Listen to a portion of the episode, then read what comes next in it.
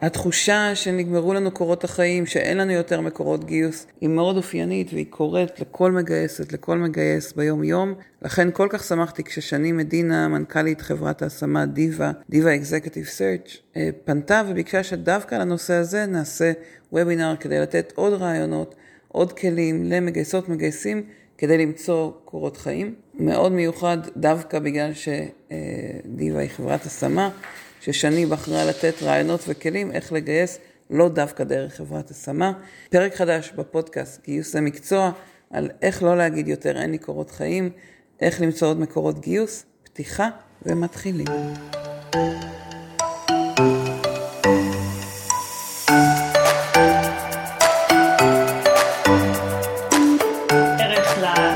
שלנו, ו... אה, ולתת ככה, להעשיר באמת את, ה, את העולם המקצועי. זהו, אני מאחלת לכם אה, אה, שעה אה, נהדרת של תוכן ואושר, וזהו, ומורית, הבמה שלך. תודה. ותודה רבה שוב שהסכמת. באהבה רבה, ופרסמנו את זה בכוונה גם לאנשים שהם לא מתוך הקהילה, כדי שכמה שיותר ככה ירוויחו את התוכן, ומי שכן מתעסקת ב-HR Life Sciences, סייאנס ולא מכירה את שני, אז זו הזדמנות אה, מבחינתי לעודד את החיבור הישיר, וכמו ששני סיפרה למי שהייתה פה קודם, אנחנו מכירות אחת את השנייה כבר יותר מעשר שנים, ו... ואני מהמעריצות של שני, אז... אה, ואני עוקבת ואני לומדת ממנה ואני נהנית מלקרוא גם את מה שאת כותבת ו... ואני יכולה להגיד לכם ששני מאוד מאוד אה, חושבת על הקהילה ועל איך לחזק אותה אה, כל הזמן, ולצערי זה מאוד נדיר, לשמחתי זה נותן ככה את הבמה למי שבאמת אה, עושה עבודה כזאת. אז מי שלא מחוברת לקהילה של, של שני מאוד מאוד ממליצה, אני שולחת אחר כך לכל מי שהיו רשומים את הגישה להקלטה ולמצגת ולהיות בקשר עם שני, מאוד מאוד ממליצה ככה לקשר הישיר מולך. תודה, תודה. אה, אז קראנו לה... אני יכולה לחבר את מור? אה, היא לא פה. חברי את מור גם, רק בסדר? מי ש... כן, כן, ברגע שייכנסו אנשים... אה, היא מחכה. אה, היא רשמה שהיא מחכה. אוקיי. אז גם, גם שאני גם אני רואות את מי שמבקשים ואנחנו מאשרות, אז אם היא מחכה ואנחנו לא רואים אז תגידו כן, זה מה שהיא רושמת. שיתחברו שוב, שינסו שוב להתחבר. אין לי איך לצרף אף אחד, אנחנו צירפנו כל מי ש... אני רואה שכתבו לי בוואטסאפ, אני שולחת למי שלא הצליחה. בסדר, כל מי שמחכה אנחנו אישרנו, אז אם מישהי כותבת לך שלא, כותבת לכן שהיא לא בפנים, זה כשאנחנו לא רואים אותה, שתתנתק ותתחבר שוב, זה, זה המסר. אמ, אז קראנו לוובינר הזה איך לא להגיד יותר אין לי קורות חיים ו... ואני חייבת להגיד שזה משפט שיצא לי לשמוע ואני בטוחה שגם לכם יצא לשמוע ולהגיד אותו לא מעט באופן כללי כמגייסות, מנהלות גיוס אבל, אבל יותר ויותר בשנה האחרונה. ושאלתי לא מזמן, עשיתי סקר לפני שלושה חודשים בערך, שאלתי עד כמה סורסינג ואיתור מועמדים אה, מאתגר עבורכם בחודשים האחרונים, ואתם יכולים לראות שככה 50, מעל 50 אחוז אמרו שזה אתגר גדול, סימנו חמש, שזה היה אה, הציון הכי, אה, כאילו, הכי מאתגר, אוי, למה זה קפץ? ועוד 40 אחוז שמו ארבע, שזה כמעט אתגר מאוד מאוד גדול, אבל אף אחד לא שם שזה קל לו. אז רק להגיד שמה שנראה, צרת רבים, כן, אבל אנחנו במקום שזה משותף לכולנו. אה, שאלתי איזה תפקידים הכי קשה לכם למצוא מועמדים, והיה מעניין לראות שזה ממש, אה, אני חושבת שאחד המונחים שחזר הכי הרבה היה הכל, הכל, בכל, גם בטכנולוגי, גם בלא. אה, אנשי הפיתוח והמהנדסים חזר הכי הרבה, אבל יכולים לראות שזה ככה גם בעולם של, של science וגם בתחומים אחרים, באמת מכל הקצוות, ממחסנאים ואנשי שירות, דרך אנשי ביוטכנולוגיה ופיתוח, ועד אה, אה, כל התפקידים היותר טכנולוגיים, פייננס חזר כמה פעמים. כלומר, אני לא חושבת שיש היום איזשהו חלק בתעשייה שהוא לא חווה את המורכבות. שאלתי מה חמשת הערוצים העיקריים שאתם מגייסים דרכם, אני לא, לא אנסה לתת לכם להבין את זה, רק בשביל שתראו איך, איך עשינו את הדירוג ואז תראו את התוצאות של זה רגע במספרים. שאלתי על כל אחד מהערוצים, תסמנו האם הוא הערוץ מספר 1 שלך, מספר 2 שלך, מספר 3, או שהוא לא רלוונטי לך. ומה שהיה מעניין, ואחר כך לכל אה, דירוג כזה נתתי מספר מ-1 עד 6, לא רלוונטי היה 6, ומ-1 עד 5 זה ככל, שהמס... כלומר, ככל שהסכימה יותר נמוכה אומר שזה ערוץ יותר מרכזי. אז היה מעניין לראות שמדיה חברתית בחינם זה המקום העיקרי שבו מפרסמים, ואני יכולה להגיד לכם שאם יש מקום פחות אפקטיבי בשנים האחרונות זה הפרסום בחינם בפייסבוק. כלומר אם אתם מוצאות את עצמכם יושבות או שולחות את האנשים מהצוות שלכם לפרסם עוד פעם ועוד פעם ועוד פעם ועוד פעם בפייסבוק, מכירים את זה? כאילו אני מדברת על, אה, רק תהנהנו שאני אדע ש, שאנחנו יודעים על מה מדובר, זה ערוץ מאוד מאוד מאוד לא אפקטיבי, תחשבו פייסבוק קיימת אה, ומתפרנסת מזה שאנחנו משלמים להם על פרסום ממומן, הם הורידו את החשיפה בקבוצות פייסבוק לאיפשהו סביב השלושה אחוז, כלומר אם נתרגם את זה, אם יש בקבוצה חמשת אלפים איש והעליתם שם פוסט אה, אז אחוז זה חמישים, זה אומר שמאה חמישים איש רואים את זה. כלומר, אתם רואות את המספר של החברים בקבוצה, חמשת אלפים, חמישים אלף, אבל פייסבוק רק יראו את זה למאה חמישים איש, כמה מתוך המאה חמישים בכלל זה מעניין אותם, כמה מתוך המאה חמישים גם יגישו, ו... ועכשיו גם הם עושים, בדיוק הודיעו השבוע על עוד שינוי, שהם בכלל סוגרים את הקבוצות אה, של דרושים בפייסבוק, והם מורידים את הלוח דרושים ש... שהיה בזמנו ועושים שם עוד פעם שינוי. כלומר, אם אנחנו ניקח את זה, נגיד, הערוץ מספר אחד היום לפרסום, שוב, זה לא קבוצה של אה, אה, אלפי מגייסות, אבל עדיין זה מספר מאוד בהחלט רלוונטי כי זה, לפחות מבחינתי אני יודעת שזה מאוד מתחבר למה שאני רואה בשטח. Uh, הערוץ הזה של פרסום בחינם בפרופיל פייסבוק שלי, בפרופיל לינקדאין שלי, בקבוצות בפייסבוק, זה ערוץ מספר אחד שמשקיעים בו המון המון זמן, למרות שהוא ממש ממש לא אפקטיבי. אז רגע שימו לכם את זה בתור כוכבית, תכף נראה מה יותר אפקטיבי. שהערוץ השני אה, שסימנו היה מאגר קורות החיים, שזה מצוין, אני חייבת להגיד, זה, סימנו את זה חייבת להגיד, אני לא בטוחה שזה באמת אה, משקף את המציאות בשטח, אה, מבחינת כמה פונים לשם מקום ראשון, כלומר זה נכון ש... שאם פתחתם משרה ואנשים שלחו מאיזשהו מקור זה הוצמד ל...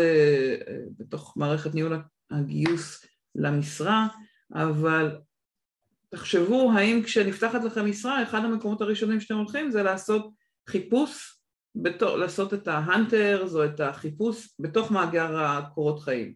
עד כמה בכלל יש לכם מערכת? לצערי פגשתי יותר מדי ארגונים בזמן האחרון שאפילו אין להם מערכת. האם כשיש לכם מערכת אתם עושים חיפוש פנימי? עושים uh, כמו, ב, כמו בלינקדאין, uh, חיפוש בוליאני או חיפוש פנימי בתוך המערכת, לכל מערכת יש חיפוש אחר, כדי לראות מי האנשים הרלוונטיים, לא רק כאלה שהצמדתם בעבר למשרה. מתחבר לכם שזה, אה, ש, שזה פחות ערוץ שמפעילים אותו? רגע, מעניין אותי. תפתחו מיקרופון רגע. האם אתם עושים היום חיפוש בתוך מאגר קורות החיים? חייבת להגיד שזה הדבר שהכי הפתיע אותי פה בתוך התוצאות האלה. מור אומרת כן? אנחנו מחפשים, כן. כן? כן. מעולה. אז קודם כל זה מאוד משמח אותי לשמוע, בגלל שאני חושבת שזה באמת ערוץ משמעותי. שהרבה מאוד מפספסים אותו, כן אבל לא כמקור ראשון, אוקיי, תודה מאיה.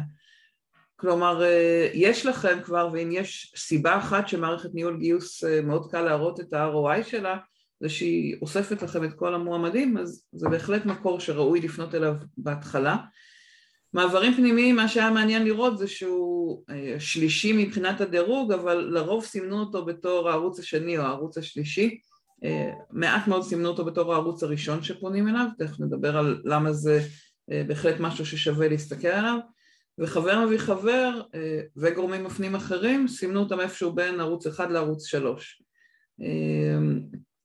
היה מעניין לראות שעל חברות השמה זה נע בין הרבה ששמו את זה בתור המקור מספר אחד לבין הרבה שכתבו זה לא רלוונטי ואתם יכולים לראות, סימנתי באדום את הערוצים שדורגו לא רלוונטיים, הכי לא רלוונטי דורג אינדיד או גלסדור, שזה הלוחות דרושים בעולם, אבל גם מדיה חברתית בתשלום. עכשיו אני אומרת, אם אני נוכחת בפייסבוק ובלינקדאין ואני מבינה שיש שם הרבה מאוד אנשים שלי, דבר הנכון לעשות הוא להשקיע בו תקציב. כי אם כבר אני מצליחה דרך לינקדאין, אז אל תצמצמו את כמות הסלוטים, למרות שזה עולה כסף. אנחנו נשארנו איפשהו ב mindset של, שאני דיברת על הוובינר הראשון שנפגשנו ב-2010, או על איזו הדרכה ראשונה ב-2010, כשרק התחלנו להיכנס, נשארנו תקועים עשר שנים מאחור בתפיסה שהמדיה החברתית היא חינמית. לא, היא בתשלום. הדרך להיות נוכחים במדיה חברתית זה בתשלום. זה slot־ים בלינקדאין, זה פרסום ממומן בפייסבוק עם גוף חיצוני שמפרסם לכם, כי אחרת אם אתם עושים פרסום ממומן זה עולה המון כסף ואתם לא ממש יודעים לנהל את זה.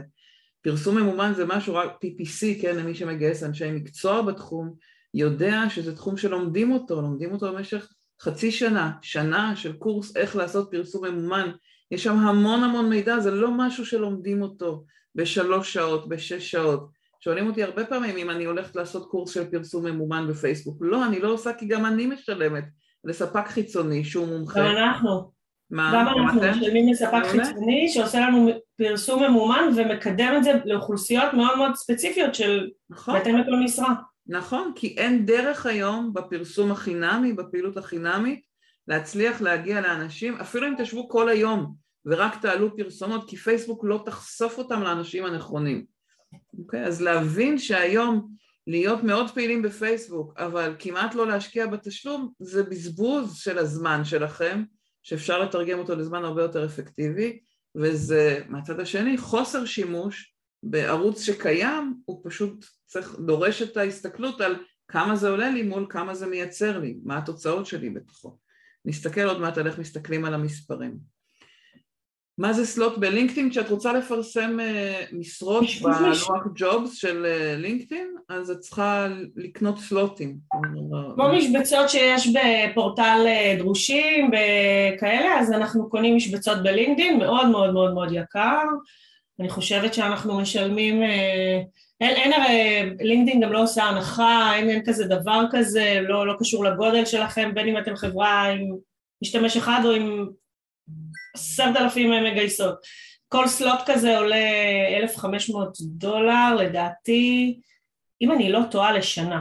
אבל, ו... אבל אני אומרת, המשפט הזה, ואני בכוונה רגע אתפוס את זה, המשפט הזה 1,500 דולר לשנה זה מאוד יקר, זה טעות, כי אם 1,500 נכון. דולר לשנה מאפשר לי לא להושיב את המגייסות שלי נכון. לפרסם, זה מאוד זול. אבל בהחלט יש איזה mindset שאומר, אה, אני אשתלם בלינקדאין, מה זה? יש לסלוט כזה, למשבצת כזו בלינקדאין, מעבר לזה אם זה מביא את המועמדים או לא מביא את המועמדים, יש לזה נראות מאוד מאוד משמעותית וזה מייצר גלי הדף. נכון. אז ואם עושים עם זה עבודה נכונה, אז גם העובדים שלנו מקדמים את זה ועושים עם זה עוד שימוש. כלומר, אני לא אכנס לאיך משתמשים בלינקדאין כרגע, אבל, אה, אבל אני אגיד שיש פה, אה, פה הרבה מה ללמוד ויש פה, אני אומרת, הסוויץ' שהייתי רוצה שיהיה לכם זה לזוז מהתפיסה שלא, מדיה חברתית זה חינם, ללא, מדיה חברתית זה בתשלום, וצריך לראות איך עושים את זה נכון. עם ספק מתאים, לצערי רחלי אין לי מישהו בשלוף לתת לך, אבל אולי שאני תשתף. אני רושמת להם.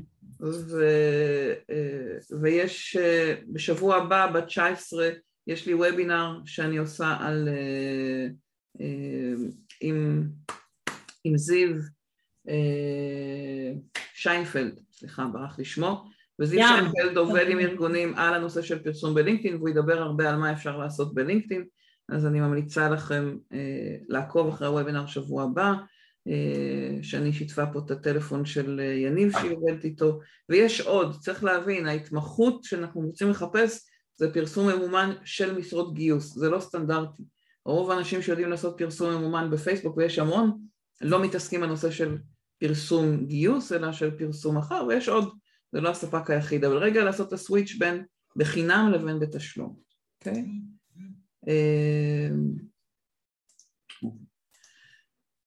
שאלתי, ואם הייתם בוובינר שבוע שעבר אז ראיתם את זה, שאלתי האם קשה יותר היום או קשה או פחות קשה מהעבר, אז קרוב ל-80% אומרים שהם יותר קשה וזה מתחבר גם למספרים של המשרות הפנויות, 150 אלף משרות פנויות מול 280 אלף מובטלים, שזה שישה וחצי אחוז מובטלים, דרך אגב כשהיינו פה במאה אלף משרות פנויות היו שלושה וחצי, ארבעה אחוז מובטלים, כלומר יש לנו פי אחד וחצי יותר משרות פנויות, על פי אחד וחצי יותר אה, מובטלים, כלומר לאט לאט מתחיל להתרחק, המשרות הפנויות לא קשורות אה, למה שהמובטלים יודעים להביא איתם, יש לנו פער מבחינת היכולות, כלומר זה לא שאין היום אנשים בחוץ שמחפשים עבודה, אבל הם לא מתאימים למשרות שאנחנו מחפשים, כשאנחנו מחפשים אותם לאיזשהו פרופיל מאוד מאוד צר. היכולת היום, או נקרא לזה הפוקוס שלנו היום, כן, נשות גיוס בתוך הארגון, צריך להיות לעזור למנהלים להבין, ותראו, יש היום המון מובטלים, הם פשוט לא מתאימים אם אנחנו הולכים על הפרופיל הסטנדרטי של איך שהתרגלתם לגייס עד היום.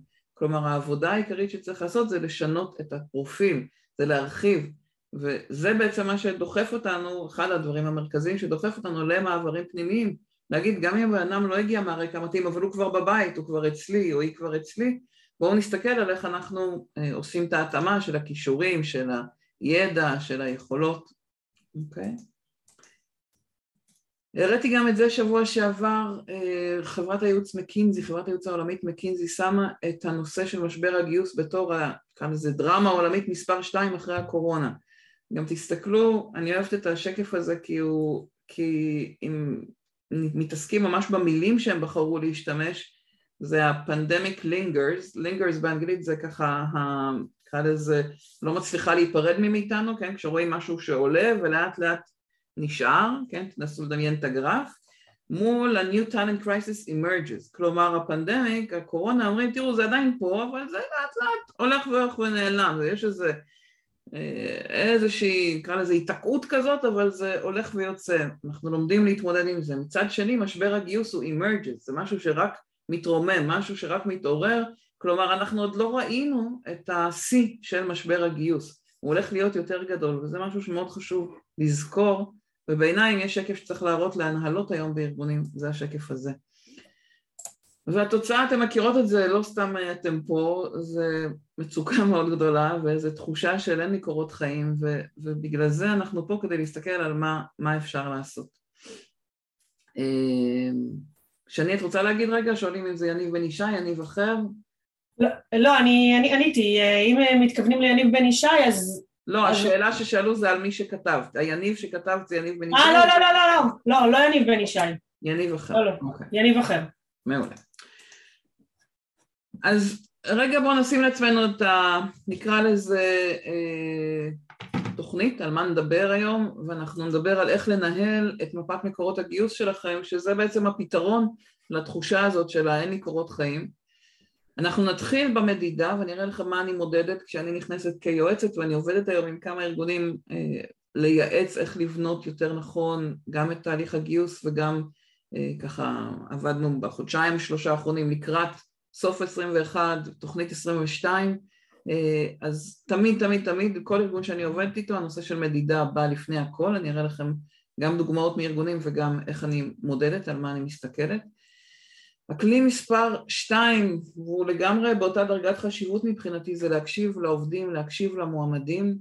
אה, כשאתם רוצים להבין את המועמדים שלכם אה, אפשר לקרוא מה אומרים בדוחות מועמדים גלובליים, אני אראה לכם קצת מה, מה רואים מהדוח הגלובלי אבל אה, לא פחות מזה אנחנו רוצים להקשיב לעובדים שלנו והם מאוד מאוד דומים עד ממש להיות אותו פרופיל כמו אלה שאני מגייסת אז לפתח את כישורי ההקשבה הפנימית בתוך הארגון אה, סקרים, שיחות, שאלות, נדבר עוד מעט על מה אפשר לשאול זה יהיה כלי מפתח. ואנחנו רוצים להתמקד בכלים הכי אפקטיביים, נדבר על מה זה אפקטיביות של כלי אבל אם כבר הבנתם ממה ששמתי קודם אז הכלי של מעברים פנימיים הוא כלי שברמה העולמית אנחנו מוצאים, אם תכתבו internal mobility, אה, ניוד פנימי, תוכלו לראות דוחות, אה, המלצות, זה המלצה מספר אחד, אני חושבת שכמעט בכל גוף שיצא לי לקרוא דוחות סיכום 21 לקראת 22, הנושא של מעברים פנימיים, להישען על המשאבים הפנימיים שלנו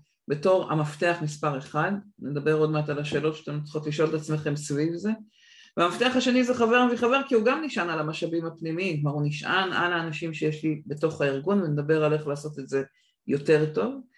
אנחנו רוצים לרתום את הארגון להיות ארגון מגייס וזה אולי האסטרטגיה מספר אחת, זה להבין ויש פה shift מנטלי קודם כל שלנו, זה להבין שזה לא הגיוס פה רושמים את ההוראות, כן, היה מאמר שאני אוהבת לצטט את הכותרת שלו, Stop Taking Orders. אנחנו צריכים להפסיק להיות ב mindset כזה של אני המלצרית שאומרת אוקיי, שני ביוטק ושלושה אנשי פיתוח, אלא להבין שזאת משימה של כל הארגון, זה לא משימה של הגיוס. אנחנו צריכים לרתום את כל הארגון, להיות יחד איתנו, ארגון מגייס. ניגע קצת בערוצים שהרבה פעמים מפוספסים, ההפניות הלא סטנדרטיות, לא רק מעובד מביא חבר, אלא גם אה, ספקים, לקוחות, גופים אחרים. דיברנו קצת על מאגר קורות החיים, על עובדים שעזבו, מה שנקרא בומרנג, אה, גם רשת שאם נשמור איתה על קשר, משהו מאוד מאוד לא סטנדרטי, אבל יש מעט ארגונים שכבר התחילו לייצר אה, קבוצות וואטסאפ של עובדים שעזבו, שעזבו בטוב ואני רוצה לשמור איתם על קשר, או להחזיר אותם או להיעזר בהם שיפנו חבר מביא חבר, גם אחרי שהם עזבו הם עדיין מחוברים ומכירים את הארגון. סילבר uh, מדליסט, מה שנקרא, מדליית כסף. אם הגעתי בתהליך מיון לזה שיש לי את זה שבסוף גייסתי או את זאת שבסוף גייסתי, אבל יש את אלה שהגיעו למקום שני, מקום שלישי, הם גם מועמדים מעולים, הם פשוט פה, היה לי רק סלוט אחד וגייסתי בן אדם אחד, אבל אם אני לא מוחקת אותם, אלא נשארת איתם בקשר, הרבה פעמים דווקא שם יכול להיות לי מועמדים שהם אה, מה שנקרא הכי, אה, הכי קלים לקטוף. לפעמים זה אפילו קורה תוך שבוע שפתאום תפקיד מתפנה ואנחנו מתחילים את הכל מההתחלה במקום לפנות לאלה שהיו דקה קודם מספר שתיים. אנחנו הרבה פעמים מתעסקים או כן עושים את זה אבל נשענים על, ה, על הזיכרון האישי שלנו, כן? אנחנו אומרים אוקיי אני יודעת מי יגיע לי מקום שני שלישי לא, זה צריך להיות משהו שהוא מובנה, הוא שיטתי, כי יכול להיות שמחר תקומי ותעזבי את הארגון, עדיין שתהיה לכם רשימה של מי הגיעו למקום שני, שלישי, כאלה שהיו מאוד טובים, ואם היו יותר תפקידים הייתם מגייסים אותם, צריך להיות משהו שמחזיקים ברמה ארגונית כמאגר, ולא רק בזיכרון האישי שלך, כי אנחנו לא, אתם יודעות, אנחנו זזים, אנחנו עוברים, יולדים, אה, יש המון המון שינויים גם אצלנו בגיוס, ולכן אנחנו צריכים לראות שזה הופך למשהו סיסטמטי, ולא רק תלוי בנו ברמה האישית. שני דברים שניגע בהם בסוף ככה ממש על רגל אחת זה התוכן של הפרסומים, הרבה פעמים עושים עבודה נהדרת מבחינת הערוצים אבל מה שמפרסמים זה המודעה הכי סטנדרטית, הכי בנאלית, הכי לא מעניינת קצת נראה מה, איזה סוג של שינוי לפחות אני ממליצה בתור דבר ראשון, ככל שאתם משקיעים שם בפרסום מבטיחה לכם יהיה לכם ערך מאוד גדול. ושמתי ממש בסוף אסטרטגיה, לא שזה לא חשוב, אם הייתי יכולה הייתי מדברת את כל השעה על אסטרטגיה, אבל מהניסיון אה, הרבה הרבה הרבה יותר, אה, נקרא אה, לזה 80 או אפילו 90 אחוז מכם ילכו לדברים המיידיים, פחות יעצרו להסתכל איך אנחנו מתכננים לטווח ארוך, אז אני כן אדבר על מה אני מאמינה לטווח ארוך, ומי שירצה עוד מידע על זה, עוד לחשוב על זה יחד איתי, פשוט תקבעו איתי ונעשה שיחה ונבין אם זה משהו ש, אה, שאני יכולה לעבוד איתכם לאורך זמן, אבל היה לי חשוב פה לתת את המענה, נקרא לזה לשאלות הכי בוערות, הטקטיות יותר, ואני אגיד שהמפתח הוא דווקא באסטרטגיה, הוא דווקא בטווח הארוך לבנות תהליכים יותר אפקטיביים, ואני אתייחס קצת לאנגלית או עברית, ראיתי את השאלה שם.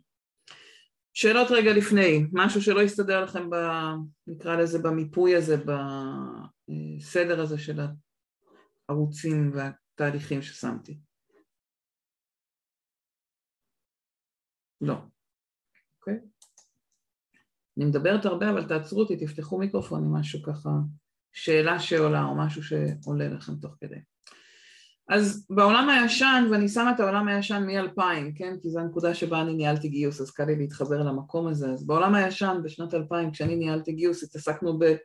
השמה, דרושים, לוחות דרושים ממש בעיתונות, אני זוכרת שהיינו בונות מודעות לעיתון, אה, קחו את 2008, כן, אה, אז העיתונים הפכו להיות לוחות אינטרנטיים, אה, ארגונים התחילו לשים אתר בית של החברה, ב-2012 נכנסו הרבה יותר חזק הרשתות החברתיות, פייסבוק, לינקדאין, אינסטגרם, וכשאנחנו מסתכלים היום ב-2022 יש לנו אין סוף ערוצים לגיוס, הרבה הרבה יותר מאשר רק שניים שלושה אה, אם תסתכלו על אפריל 2020, פשוט כי זה עוד לא יצא החדש, יש מה שנקרא מרטק 5000, שזה ריכוז, אה, דוח שיוצא כזה פחות או יותר כל שנה, עם, אה, עם כל הערוצים המובילים שיווקית, כן? אה, תמצאו פה בתוך מדיה חברתית את הכוכבית של פייסבוק או לינקדאין, אבל תראו כמה עוד הרבה מאוד ערוצים יש לשיווק, לפרסום, למשחק, איזה פלטפורמות אה, יש, ויש היום במדינת מדברים על שמונת אלפים פלטפורמות אה, בין תוכן וחוויה למדיה חברתית, למסחר, באמת כמות אדירה ברמה כזאת שמאוד קשה לנו להשתלט עליה ולכן רובנו גם נשארים באותם בודדים שאנחנו מכירים. נחבר את זה רגע, ודיברנו כבר קודם קצת על המדיה החברתית, נחבר את זה לרגע לזה שב-2021 אה, הנתונים מראים שאנחנו משקיעים כמעט שעתיים וחצי ביום לשיטוט במדיה חברתית. מספר מטורף בעיניי מבחינת הממוצע, אה, ארבעה וחצי מיליארד משתמשים ברמה עולמית, אה, בין שישה לשבעה ערוצים שאנחנו משוטטים בהם, אתם רואים אותם פה, את הערוצים, ו, וזה מספרים שרק הולכים ועולים, כמות הזמן שאנחנו משקיעים. כלומר זה לא מפתיע שאמרתם קודם, הרבה מאיתנו, או שהדוחות מראים שאנחנו הרבה מפרסמים במדיה חברתית, כי זה נכון, זה ראוי, אבל ככל שאנחנו נמצאים שם יותר, אז הערוצים, פייסבוק, לינקדאין, מרשים לעצמם אה, לקדם את התוכן רק למי שמשלם, כי יש הצפה של תוכן, יש הצפה מאוד גדולה של מידע ובעצם מעולם לא היה קל יותר לפרסם למועמדים, אבל מעולם לא היה קשה יותר לקבל את תשומת הלב שלהם. הדבר היפה זה שחוץ מהשני עיגולים האלה, זה אותו שקף שאני שמה כבר שנים, ו- וזה תמיד מפתיע אותי כמה משנה לשנה נהיה יותר תוכן, יותר ערוצים, יותר מידע, יותר אנשים שצופים באותם ערוצים, כלומר הייתם חושבים שפייסבוק כבר הגיע לאיזה קצה, לא, אז זה עלה מ-1.3 מיליון ל-1.4 מיליון שמתחברים ב-60 שניות. אה, כל ה... ב-SMSים עלה מ-19 מיליון ל-21 מיליון. כלומר, וחלק פשוט שינו פה, כאילו נטפליקס זה נראה כאילו ירד, אבל זה ממש לא, זה, ספר, הם ספרו דברים שונים. פה הם ספרו את כמות הצופים ופה את כמות השעות.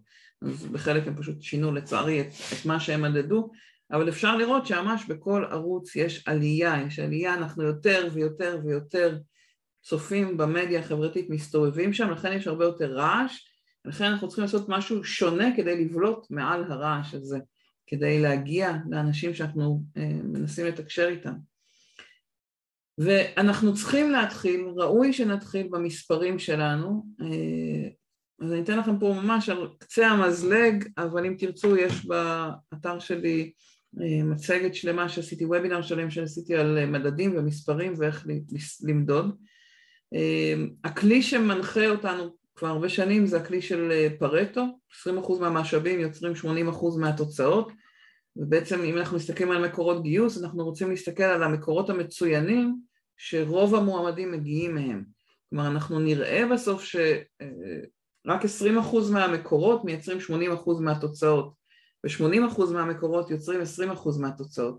זה למשל נתון מאוד מאוד נכון לגבי המדיה החברתית, אני משקיעה בו 80% מהזמן, לפרסם, לפרסם, לפרסם ידנית, אבל רק 20% מהמועמדים בכלל הטובים מגיעים משם, יש שם הרבה הרבה רעש, למשל, זה מה שראינו בחלק מהארגונים. נתייחס עוד מעט לפרסום עצמו, בסדר? אז איך אני בודקת אפקטיביות של מקור גיוס? יש שני דברים שאני בודקת. אחד, זה כמות הגיוסים מתוך סך הכל הקורות חיים שהגיעו מכל ערוץ. אוקיי, אז אם קיבלתי 100 קורות חיים מהערוץ, כמה גייסתי מתוכם? האם גייסתי עשרה, קור... אה, עשרה גיוסים או גייסתי רק אחד? מה אחוז הגיוסים מתוך הרעש נקרא לזה, של כמות קורות החיים?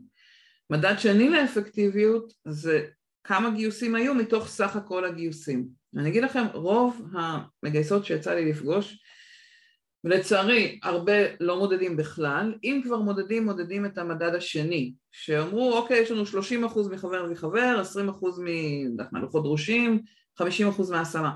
מודדו כמה, כמה גיוסים בסוף גייסנו מכל אחד מהערוצים, אבל לא עצרו למדוד כמה זה לקח ממני, כמה אנרגיה זה אה, שאב ממני כדי להצליח להגיע לכמות הזאת של הגיוסים והם שניהם מדדים מאוד משמעותיים, לדעתי לפעמים אפילו דווקא המדד הראשון יותר, יותר משמעותי כי הוא מדד לכמה אנרגיה אני משקיעה מול כמה התוצאה שאני מקבלת, אוקיי? Okay? תן רגע דוגמאות. למשל מארגון אחד שבדקנו את השנתיים האחרונות, ראינו שחבר מביא חבר אה, הגיעו 207 קורות חיים וגייסו מתוכם קרוב ל-80% מהמועמדים, 164 גויסו. סך הכל 557 גיוסים, מתוכם 164 הגיעו דרך חבר מביא חבר. לעומת זה מלוחות דרושים קיבלו 40 אלף קורות חיים, היו באיזושהי חוויה שהם מקבלים המון המון מועמדים, אבל כן, 93 אחוז כמעט מקורות החיים היו מלוח דרושים, אבל הם גייסו מתוכם 180, זה כאילו יותר מחבר מביא חבר, אבל תראו באיזה מחיר, תראו באיזה מאמץ היו צריכים להשקיע. אם רק היינו משקיעים פי שניים מאמץ על חבר מביא חבר, במקום לקבל 200 היינו מקבלים 400, היינו יכולים לשחרר כמעט את כל הגיוסים מלוח הדרושים, בסדר? אגב, בשביל להבין את, ה, את האימפקט. אה, בדרך כלל אנחנו משקיעים כל כך הרבה זמן, למשל בלוחות דרושים, שאנחנו לא מגיעים ללהתעסק בחבר. בחבר, למרות שזה מקור גיוס הרבה הרבה יותר אפקטיבי. אוקיי?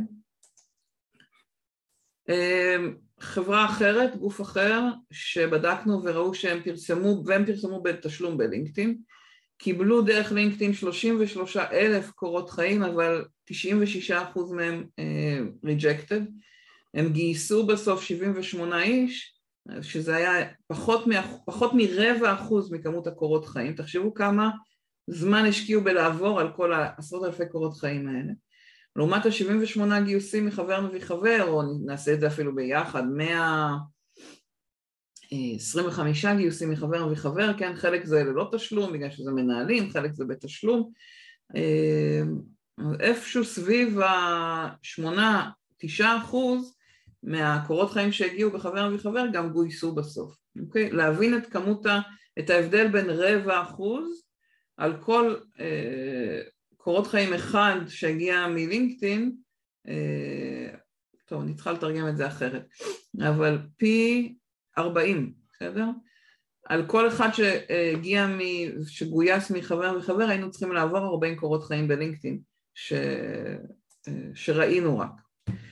חשוב ורלוונטי לדעת מאיזה תחום הארגונים שנותנים בדוגמאות, יכול להיות הבדל גדול בין סוגי חברות שונות עם, עם צריכה, אה, גיוס לתפקידים שונים. נכון, אני אגיד שזאת חברה טכנולוגית, זאת חברה שיש בה גם טכנולוגיה וגם לא, אה, וזאת אה, גם חברה טכנולוגית. אז, אז אני יכולה להגיד, אבל אני יכולה להגיד שאנחנו רואים את אותן תוצאות מאוד דומות בהרבה מאוד ארגונים. נכון, יש שינוי, תראו, אני מראה לכם את זה לא בשביל להיכנס לנתונים עצמם, אני מראה לכם את זה בשביל להיכנס לתהליך, לאיך מודדים, מה באמת עשיתי. נכנסתי, ואם אתם עובדים עם קומית אז אני אספר על הדוחות שם כי הם הכי קל לי להסביר אותם. נכנסתי לדוח של הגיוסים, בדקתי כמה גיוסים היו מכל אחד מהערוצים, זה דוח פשוט, דרך, נקרא לזה רק אלה ש-hired. דוח שני זה הדוח של המועמדים, כל המועמדים שקיבלנו בשנים האחרונות, בתוך המועמדים האלה, מה קרה לכל אחד מהם, כמה מהם hired, כמה מהם rejected, כמה מהם withdraw, ובדקתי את האחוזים, אחוז, ולכן שמתי קודם את האפקטיביות. אחוז הגיוסים מתוך סך הקורות חיים זה נתון אחד של אחוזים, נתון שני זה אחוז הגיוסים מתוך סך כל הגיוסים, אוקיי? ואתם יכולים לראות, הנה פה זה המקום שרואים את זה הכי טוב, אוקיי? בארגון הזה גויסו 59 עובדים על פני שנתיים, אה, ב sourcing, בללכת ולחפש אחד אחד אחד, וזו חברה הנדסית יותר נכון לקרוא לה מאשר טכנולוגית, גייסו 22 עובדים, כלומר 37% אה, מהגיוסים דרך sourcing, דרך ללכת ולחפש אחד אחד בלינקדאין, 32 אחוז הגיעו דרך חבר מביא חבר, אבל האפקטיביות של המקורות אתם רואים שהם הוא מאוד שונה. פה הם היו צריכים 600 מועמדים שהיא הלכה וחיפשה ועשתה הרבה עבודה ברשת, אחד אחד כדי לעשות sourcing. פה 147 קורות חיים שאנשים פשוט הביאו וכמעט אותו מספר, כן, 22 מול 19 גויסו.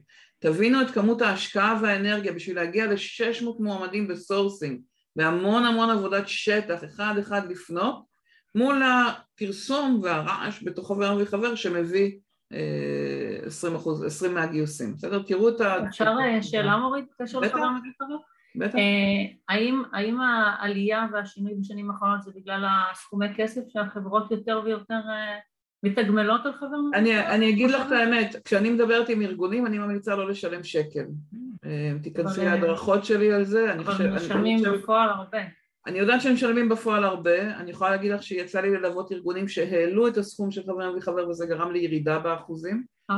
אז אני יודעת להגיד שהעלאה של התקציב של חבר מביא חבר, אם משתמשים בו בתור כסף נקי, בדרך כלל יגרום לפגיעה, ראיתי זה כבר כמה פעמים קורה, אה. ולכן הפתרון הוא לגשת אחרת למודלים של, לתהליכי חבר וחבר, תכף ניתן לזה קצת טיפים, לא לשלם יותר כסף. ומאיה את צודקת, צריך להפריד מחלקות, אחוז רלוונטיות, אני לא מתווכחת עם זה, אני אומרת, מה שרציתי לשים לכם פה זה את התהליך. התהליך אומר בואו תבדקו את אחוז הגיוסים מכל ערוץ, תבדקו את אחוז הקורות חיים, אה, סליחה, אחוז הגיוסים מתוך כמות הקורות חיים שהגיעו מכל ערוץ, תראו את אחוז הגיוסים מכל ערוץ, תראו את האפקטיביות השונה ותזהו האם יש לכם חברות שאתם עובדים איתן כספקים חיצוניים שהן פחות אפקטיביות, או לוחות דרושים שאתם משקיעים. אם אתם משקיעים המון אנרגיה, אמרנו בפייסבוק ולא יוצא מזה כלום, תפסיקו לפרסם חינם בפייסבוק. תעברו לפרסום בתשלום, תעברו לעבודה עם ספקים כמו חברות השמה שהן כן אפקטיביות. אם זיהיתם שעבודה עם חברת השמה אחת היא יותר אפקטיבית, תני לה בלעדיות, תנו לה להיות זאת העיקרית שאתם עובדים איתה. בהחלט מאוד דומה למחקר הפיצה של דן אריאלי, נכון? תגמול כספי מוריד מההנאה של סיוע, לגמרי לגמרי. יש שם עוד הרבה מחקרים שלו שהם רלוונטיים, אני נזהרת כי היה סביבו יותר מדי רעש בזמן האחרון. אז זה ממש על קצה המזלג, אמרתי אם אתם רוצים לראות עוד איך אה, לנתח את המספרים, יש ממש וובינר שלם שעשינו על הנושא של מספרים, אבל השורה התחתונה היא להקשיב לעובדים, להקשיב למועמדים, לראות איפה הם נמצאים. אחד ה... אחת הגרפיקות שאני מאוד אוהבת זה ה-Candidates Awareness Journey. נקרא לזה אה, מסלול המודעות של המועמדים, איך הם הופכים להיות מודעים אליכם ואני מקווה שאתם יודעים, אה, אני מדברת על זה הרבה, שכשאתם מפרסמים הודעה רוב המועמדים אפילו לא מכירים את הארגון. הרבה פעמים אין להם מושג בכלל מי אתם וככל שהארגון יותר קטן ופחות מוכר זה יותר נכון. ולכן אנחנו צריכים להעביר אותם איזשהו תהליך של מודעות לפני שהם בכלל מגישים את הקורות חיים. ותחשבו, פעם הייתי, עשיתי הרבה סשנים על, על חוויית מועמד אז האנלוגיה שהייתי משתמשת הייתה אם את הולכת ברחוב ופתאום ניגש אלייך מישהו ושואל אותך אם את רוצה להתחתן איתו. פחות או יותר אותו דבר כמו להגיד בוא לעבוד איתי בוא לעבוד איתי אבל אני יכולה להגיד רגע משהו מורית? בטח תראו, הפרסום בלינקדין אה, זה לא רק כי אנחנו... אחד המטרות, זה לא המטרה היחידה לקבל שם קורות חיים ולמצוא את המועמד המתאים, בסדר? זה אה, עולם שלם של נראות, והרבה פעמים גם כשאנחנו מפרסמים בלינקדין, אה, אנשים לא מגיבים, וזה טוב שהם לא מגיבים. אני יודעת שהם רואים את זה והם לא מגיבים. אה, הם לא מגיבים כי הם לא יכולים, הם מפחדים לפעמים מהרשתות, הם מפחדים שהם ילחצו על איזשהו כפתור ואז מישהו יחשוף אותם, אבל אני רואה, אבל יש, הם, הם יכולים להגיב לי, בסוף הם ישלחו לי איזשהו ג'ימל כזה, אבל את, את המשבצת, את הפרסום הם ראו בלינקדין, אז לפעמים אי אפשר למדוד את זה אחד לאחד, אוקיי, פרסמתי משבצת בלינקדין וקיבלתי 30 קורות חיים והם, של... והם כולם רלוונטיים. זה מה שאני אומרת, זה כל הזמן יש לזה... את צודקת מאה אחוז שנים, וזה לא רק לגבי לינקדאין, זה בדיוק ה-Candidate Awareness Journey. כלומר, הוא רואה בטוויט, או הוא קורא בבלוג, או היא מבקרת בגלסדור, או היא עוברת בדף בלינקדאין, והיא מסתכלת על העדויות של עובדים, והיא מסתכלת בעמוד קריירה. ובסוף הם שולחים לנו ג'ימל, וזה מצוין, כי זה חיים. נכון. כלומר, ככל שאנחנו יוצרים יותר נקודות ממשק, והורדתי את השקף עם המספר, אבל מדברים היום על שמונה נקודות ממשק שמונה נקודות אינטראקציה לפני שבכלל הבן אדם מגיש מועמדות. אנחנו צריכים לייצר את המסלול שמאפשר לאנשים להיות איתנו בקשר במספר נקודות עד שהם לומדים עלינו, מגלים אותנו ומגישים את המועמדות. הנה, זה ה-touch points, שבע שמונה נקודות למכירות וגם לשיווק, לגמרי מסכימה עם מאיה. אחד הכלים שאני מדברת עליהם המון, כתבתי על זה לא מעט, אני מראה אותם כמעט בכל וובינר ויצא ממש לא מזמן, שמתי פה את הקישור, תורידו לכם או תכתבו, זה talentboard.org וזה סקר חוויית המועמד הגלובלי השנתי שממש מתפרסם בסוף כל שנה, התפרסם לא מזמן על 2021 והם מסתכלים, הם שולחים ל-200 אלף, שלחו השנה ל-200 אלף מועמדים דרך הארגון את השאלות, איך הם חקרו על הארגון, איך הם בררו, איך הם הרגישו, בסדר? זה על חוויית המועמד. אז בין השאר שאלו אותם איך אתם חקרתם על הארגון, כשאתם מתלבטים לגבי ארגון ומחפשים, יש את ה-touch points, כן? אתם מחפשים מידע על הארגון, איך אתם עושים את זה? אז אתם יכולים לראות שהמקום מספר אחד זה עמוד הקריירה, אתר הבית, עמוד לינקדאין, job boards, קבוצות אונליין וחבר מביא חבר. שואלים אותם, אה, עכשיו נסתכל על ההפוך של זה, כששואלים את הארגון איפה אתם מתקשרים עם המועמדים, אז 70 אחוז מתעסקים בלחזק את עמוד הקריירה ו sourcing בלינקדאין, זה שונה מהעמוד בלינקדאין. אה, outreach, כן, לצאת ולתקשר, לעשות sourcing אקטיבי בלינקדאין, אה, שזה מעניין לראות את הפער, מה הארגונים עושים ומה המועמדים עושים, דוחות דרושים, וידאו, ארגונים משקיעים הרבה יותר בווידאו. שאלו את המועמדים מה המידע שאתם מחפשים, ו... ואפשר לראות שמחפשים מידע על התרבות, מידע בשפות שונות, כי אנשים מגיעים לדף קריירה locations שונים בארגונים הגלובליים, בודקים למה אנשים רוצים לעבוד פה, בודקים את הנושא של diversity, למה אנשים נשארים בארגון, אה, והמידע העיקרי שהם אה, חוקרים ומחפשים זה מידע על job description, על תיאור התפקיד ופרטים לגבי אה, תהליך הגשת המועמדות. זה שאלה, אפשר לשאול, לשלוח את הקישור לסקר לכאן. אני אכתוב לכם פה את השם ותיכנסו אליו, thetalentboard.org וכשאת נכנסת לשם, את אתה אופיר, אני לא יודעת אם זה בן או בת, אבל כשאת נכנסים לשם יש את הריפורט, את הדוחות, ו... ואז אפשר לראות את הדוחות. מורית, אני יכולה לשאול שאלה? בטח. אה, את מדברת כאן על 63 אחוזים של אה, תיאורי תפקיד, ובשנים האחרונות... 63 גם... אחוזים מהמועמדים ב-2021 אמרו שהמידע שהכי חשוב להם לקרוא זה להבין לעומק את תיאור התפקיד. יפה. אז אנחנו ראינו שבעצם גם תיאורי התפקיד צריכים להיות, אה, לפנות יותר לרגש של המועמדים בשנים נכון. האחרונות, ובאמת אה, לעשות את זה. תמיד, אבל בשנים האחרונות למדנו, נכון. כן, אבל יחד עם זאת שאתה פונה לרגש, כלומר, בסופו של דבר תיאור התפקיד אה, הוא מאוד דיכוטומי, כלומר, אם זו רכזת גיוס, הוא לא חייב, אתה...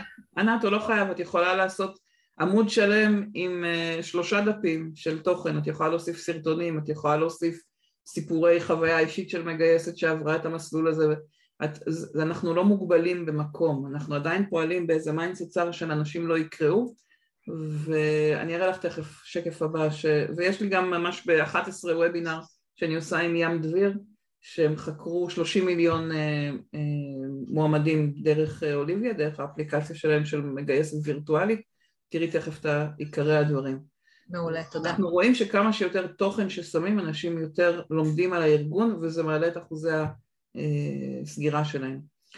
היה מעניין לראות גם ש-380 אחוז משתמשים יותר מלפני אה, ארבע שנים, שלוש שנים, בטקסט, יש הרבה יותר שימוש בטקסט ומועמדים מעדיפים את זה, זה גם מתחבר למחקר של ים. אה, והנה זה החמישה טרנדים מתוך המחקר של פרדוקס ויש ממש בעוד שעה ורבע ב-11 אני עושה וובינר עם ים כדי להיכנס קצת יותר לתוכן הזה. אבל הוא מדבר על תהליך קצר יותר שהגדיל את uh, סיכויי הסגירה על זמינות, על תוכן ומידע, הוא אומר שככל שננגיש יותר מידע הם ישאלו יותר שאלות אבל זה יגדיל את אחוזי הסגירה. כלומר אנחנו באים כמו שאת אומרת מאיזה מקום מאוד דיכוטומי אבל להפך ככל שאת מרחיבה את המידע, שמה יותר, שמה יותר טקסט, מאפשרת יותר אינטראקציה הם מרגישים יותר חיבור, יותר שייכות לארגון וזה מוביל אותם לסגירה מובייל פרסט, תקשורת בוואטסאפ, ב-SMS, כי תקשורת במיילים ובטלפון הורידה את הסיכוי לסגירה, ותקשורת וירטואלית יעילה יותר, מעל 90% שביעות רצון, מאשר תקשורת אנושית, מאוד מאוד counter intuitive נקרא לזה, מאוד לא אינטואיטיבי מול מה שאנחנו רגילים לחשוב, זאת הסיבה שהזמנתי את ים לוובינר, אז אני לא אכנס לזה יותר. מה אפשר לעשות כדי... אפשר רגע שנייה קטן כן. לשאול שאלה? כן. את רשמת שיותר מגיבים לוואטסאפ ו... אמ, ול-SMS. זה לא, לא חדירה לפרטי, זה מה שהגיעו, זה לא סוג של, אמ, כאילו וואטסאפ ו-SMS זה המקום הפרטי כאילו של אנשים, יש אז אנשים אני, ש... אז, אז אני חושבת שקודם כל תשימי לב שזה המקום הפרטי בעיניי, אם תסתכלי על כל, אה, אני לא יודעת, כל דבר שקניתי כמעט בשנה האחרונה, אמרו לי אנחנו שולחים לך את הקבלה ל-SMS ויש גם הבדל, יש מקומות שבהם יותר לגיטימי בוואטסאפ, יש מקומות שיותר לגיטימי ב-SMS, SMS כבר מזמן הוא לא המקום הפרטי והדבר המעניין זה מה המועמדים מבקשים, מה הם מעדיפים. את יכולה לראות, את יכולה לעשות איזה פיילוט עם זה ולבדוק, אבל אני יכולה להגיד לך שכבר מזמן מזמן אס.אם.אס הוא לא המקום הפרטי. זה כבר מזמן מזמן לא. תסתכלי על כמה אס.אם.אסים אה, קיבלת בשנה האחרונה מגופים עסקיים, אה, ותראי שאת ממש, וזה ממש לא חברים שלך שמתכתבים איתך ב-SMS. וואטסאפ הוא איפשהו באמצע. גם וואטסאפ כבר היום הרבה יותר, אה, נקרא לזה, ציבורי. אוקיי, okay, תודה. אוקיי. Okay. אז מה אפשר לעשות? אפשר לעשות סקר לעובדים ולמועמדים, אפשר לקרוא סקרים כמו ששמתי לכם פה, אפשר להתאים, ושמתי לכם ממש, זה שלושה עמוד, שלושה, אה, שלוש טבלאות מתוך 120 עמודים בערך של דוח, אז יש שם המון המון מה ללמוד ולהתאים את התוכן ואת צורת התקשורת בהתאם. וניתן ככה כמה נקודות על חבר וחבר, שמתי לכם כאן אה, ממש סטטיסטיקה על חבר וחבר ואם אתם צריכים להראות בתוך הארגון למה, צריך להסביר שזה חבר וחבר זה מקור גיוס שהוא תמיד יהיה חסכוני יותר, ראיתם את האפקטיביות, תמיד יהיה המקור הכי אפקטיבי, האנשים בו הם יותר מדויקים, אנחנו רואים את זה שנים, זה לא משהו חדש, הם נשארים בדרך כלל יותר, הוא מעלה את שימור העובדים גם של אלה שהפנו וגם של אלה ש...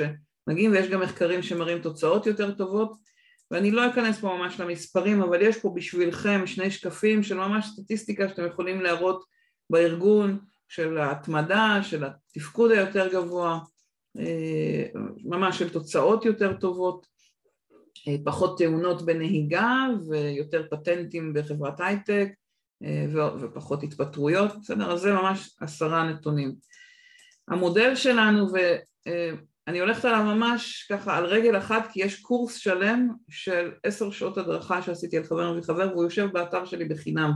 תיכנסו למורית co.il, למרכז הידע, יש קורס שלם ששמנו על חבר מביא חבר. אה, בכל אחד מהשיעורים גם באו מנהלות גיוס, מנהלי גיוס שהציגו את ההצלחות שלהם.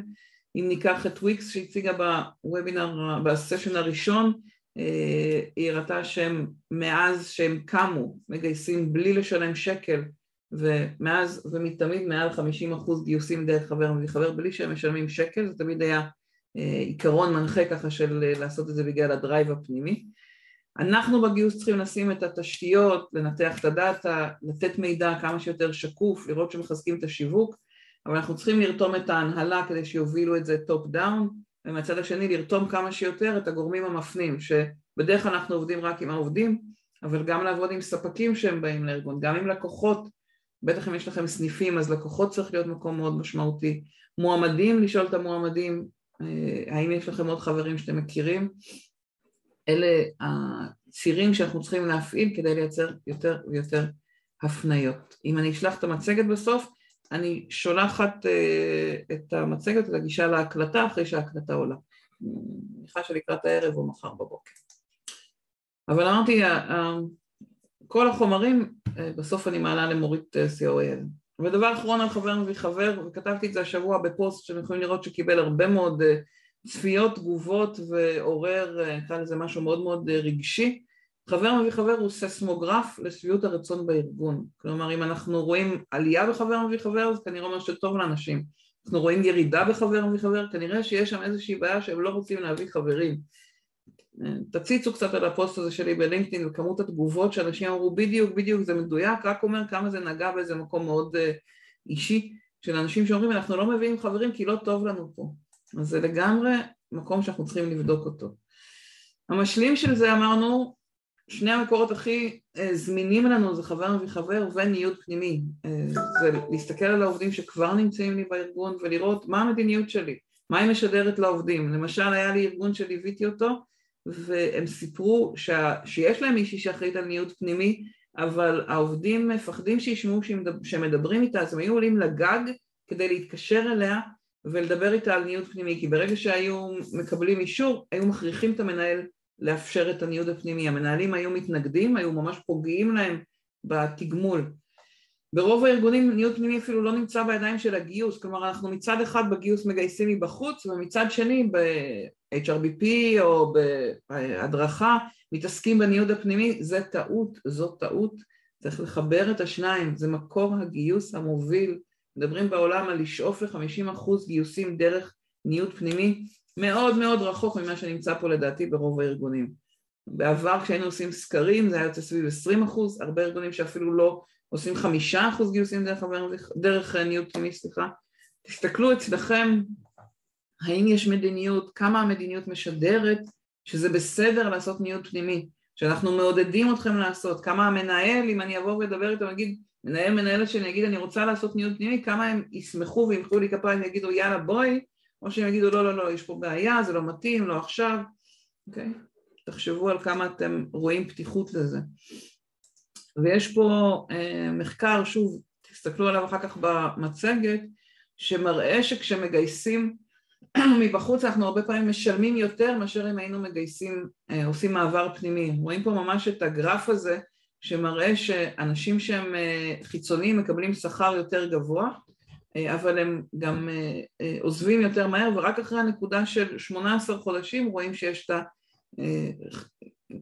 התחלופה, ה-X הזה בין כמה מהר הבן אדם עוזב ומה גובה השכר שלו.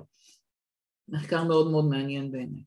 כלומר ניוד פנימי זה אחד הכלים המובילים להתמודדות עם העזיבה הגדולה, עם התקופה הזאת, והנה עוד נתון אחד ככה מעניין מסקר ששמתי לכם פה את הקישור אליו, סקר של hr.com שהם בדקו בכלל את כל העולם של ניוד פנימי, שאלו אנשים, זה ממש מלפני כמה חודשים, שאלו, אה, ביקשו מאנשים לדרג, האם לארגון שלך יש תהליך אה, אפקטיבי לניהול, תרגמתי succession planning לניהול צמיחה. succession זה מי מחליף אותי בתפקיד, כלומר אם אני מנהלת אז אני צריכה לבנות תוכנית של succession, של מי הולך להחליף אותי כשאני אעזוב, הולך הולכת להחליף אותי. ו-22% אמרו לא, אין לנו שום תוכנית להחלפות, להסתכל קדימה על המנהלים ולראות אוקיי בואו נבנה את הדור הבא של המנהלים בתוך הארגון.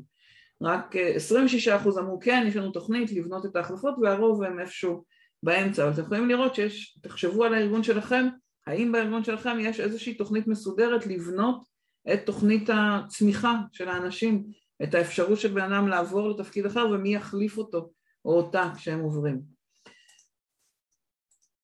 ושמתי פה את הצעדים להטמעה של מעברים פנימיים בארגון. אה, יש, יש עוד שני שקפים שנורא חשוב לי להראות, אז אני ככה לא אכנס לזה לעומק, חוץ מלהגיד שמאוד מאוד חשוב, ככה אם זה לא משהו שהוא בידיים שלכם היום, והוא לא משהו שמאוד אה, משמעותי בארגון, רגע לעצור ולעשות את זה את ההסתכלות. שני הערוצים האלה, חבר מביא חבר וניודים פנימיים, זה שני המקומות הכי הכי משמעותיים שרוב הארגונים מפספסים אותם.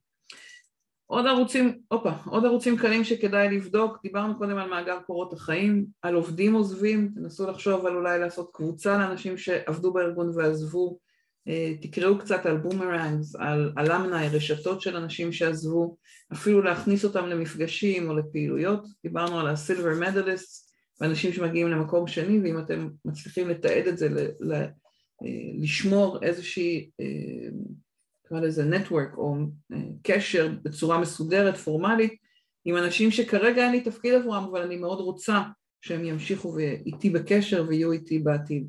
כלומר, המסר הכללי, אם תסתכלו ממאגר קורות החיים, דרך הסילבר מדליסט, מועמדים שלא התקבלו, ועובדים שכבר עבדו ועזבו, המסר משלושת הערוצים האלה, וגם מחבר וחבר ומעבר פנימי, אומר, אני לא רוצה להתייחס לבן אדם בתור איזה לקוח שבא לחד פעמי, כן, מישהו שרגע ממלא לי פוסלות ועוזב, שזה דרך אגב איך שרוב הארגונים מתייחסים למועמדים שלהם. אני צריך כרגע זה בואי תמלאי לי פה את החור שלי. להבדיל אם אני בונה מערכת יחסים לטווח ארוך, וזה דרך אגב חברות השמה עושות הרבה הרבה יותר טוב מאיתנו בארגון, כי הן יודעות שאם לא כרגע ייכנס לתפקיד הזה, אז הוא יהיה לי, אני אהיה איתו בקשר ויהיה לי תפקיד אחר שייפתח. בארגונים אנחנו ממש לא עושים, את זה, לא עושים בזה עבודה טובה, אבל אם אנחנו שומרים על קשר לאורך זמן עם מועמדים, אנחנו יודעים שגם אם כרגע לא יהיה תפקיד יהיה אחר כך, וגם אם הוא עזב אותי, אולי יהיה לו רעיון, יהיה לה רעיון איך לבוא אליי בהמשך, זה ערוצים מאוד מאוד משמעותיים. אני אעצור רגע ונראה אם יש שאלות, למרות שעוד לא הספקתי הכל, אבל יש לנו רק עוד חמש דקות, אז אני כן רוצה לראות אם יש איזו שאלה, משהו שחשוב לכם. אוקיי? Okay. אמרנו לפעמים, ושאלתם קודם על העברית, אנגלית, לפעמים העניין הוא בפרסום. אני אראה לכם למשל מודעה אחת שלא הביאה כמעט שום אה, פניות, של אה, חברה שאני עובדת איתה, אחי מרגולין, פרסמה ככה שהיא מחפשת מגייסת, משהו מאוד מאוד בסיסי, וכשהיא החליפה את הפרסום למשהו הרבה יותר אישי גם, אני לא אגיד שזה הפרסום הכי הכי אפקטיבי, אבל משהו קצת יותר אישי, אה, להגשים את עצמך, להתפתח על החברה, משהו באמת הסגנון עדיין, היו לי פידבקים גם על זה, אבל תמונה יותר אישית והסגנון יותר אישי פתאום קיבלה הרבה מאוד קורות חיים, פרסמה את זה באותם, אה, באותם ערוצים. כלומר, המודעות שאנחנו רואים היום הרבה פעמים מתחילות במה אני צריכה ממך, ולא למה כדאי לך או לך לבוא לעבוד איתי. ניתן לכם דוגמה מתוך הלוח של לינקדאין, וכתבתי DevOps, כי אמרנו זה אחד המשרות הכי קשות, ותסלח לי תמי שכטר, אני לא חושבת שהיא פה, אבל הם כותבים אנחנו מחפשים דאטה DevOps, אנחנו חברה מולטי דיסציפלינרית קטנה שעושה זה וזה וזה, זה אנחנו, זה לא מדבר על המועמד. טקסט אחר היה יכול להיות אם אתה רוצה או אם את רוצה לבוא ולהוביל, לבוא ולעשות, יש פה הזדמנות. טקסט שמתעסק במועמד, לא בנו בארגון.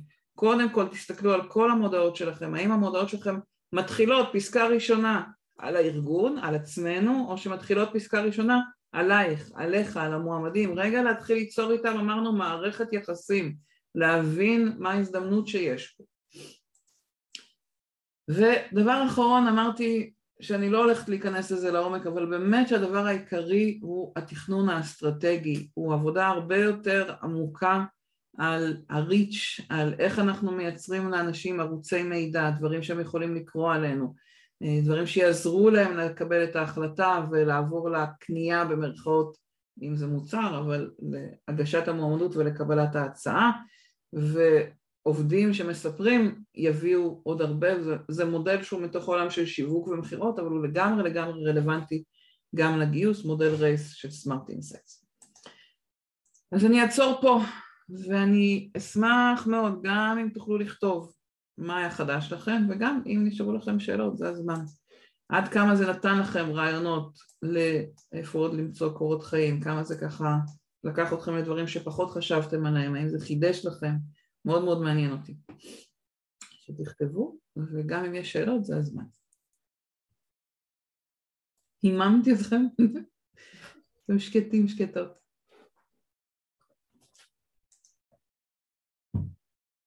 לא מספיק מודדים יעילות מקורות. יעילות. יעילות של מקורות. כן. תודה מאיה. חידשתי והפתעתי בתיאור המשרה, אוקיי? תודה, חידד הרבה נושאים, מפתיע לגבי היעילות. מעולה, תודה איילת, אני שמחה. מדידת המקורות, פיתוח חוזר, נהדר. יופי יופי. הסיפור של לקבל מקורות גיוס חדשים הוא ממש לא לחפש דברים חדשים, הוא לחזור to basics, להבין שעושים חבר מביא חבר יותר טוב, שעושים uh, uh, את המעברים הפנימיים יותר טוב, זה יכול לעשות שינוי דרמטי. מעולה. יופי, תודה איילת. ומור. ניהול רשימת סבב ומדרס, נהדר. איזה יופי. תודה רבה רבה. יופי, מעולה. איזה כיף. כמה ערך. מדהים. תודה לכם, תודה רבה רבה. תודה רבה לכל מי שהשתתף, תודה למורית. מנהלי ישראל, תודה. תודה רבה. תודה לכם, עדי תהני תודה רבה. תודה רבה, תודה לכם. תודה. תודה רבה. תודה רבה. יום נעים, נתראה ב-11. טוב, כל מי שנרשם, אנחנו נשלח במייל את ההקלטה. מעולה, תודה. עדי מגדלת את המגויס הבא.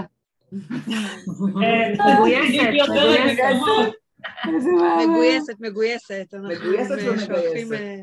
אנחנו מדריכים אותה כבר מעכשיו.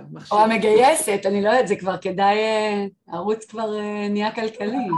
ככה אומרים, אני לא יודעת. מה שהיא תרצה, אני מעודדת. אנחנו בעד. אה, הנה, רואים את הפרצוף גם עכשיו. אוי, הנה גד. כן, כן. הכרתי אותו ורק עכשיו אני רואה שהוא פה. מעולה. ביי. מעולה. ביי, כל טוב, יום טוב. bye. bye bye.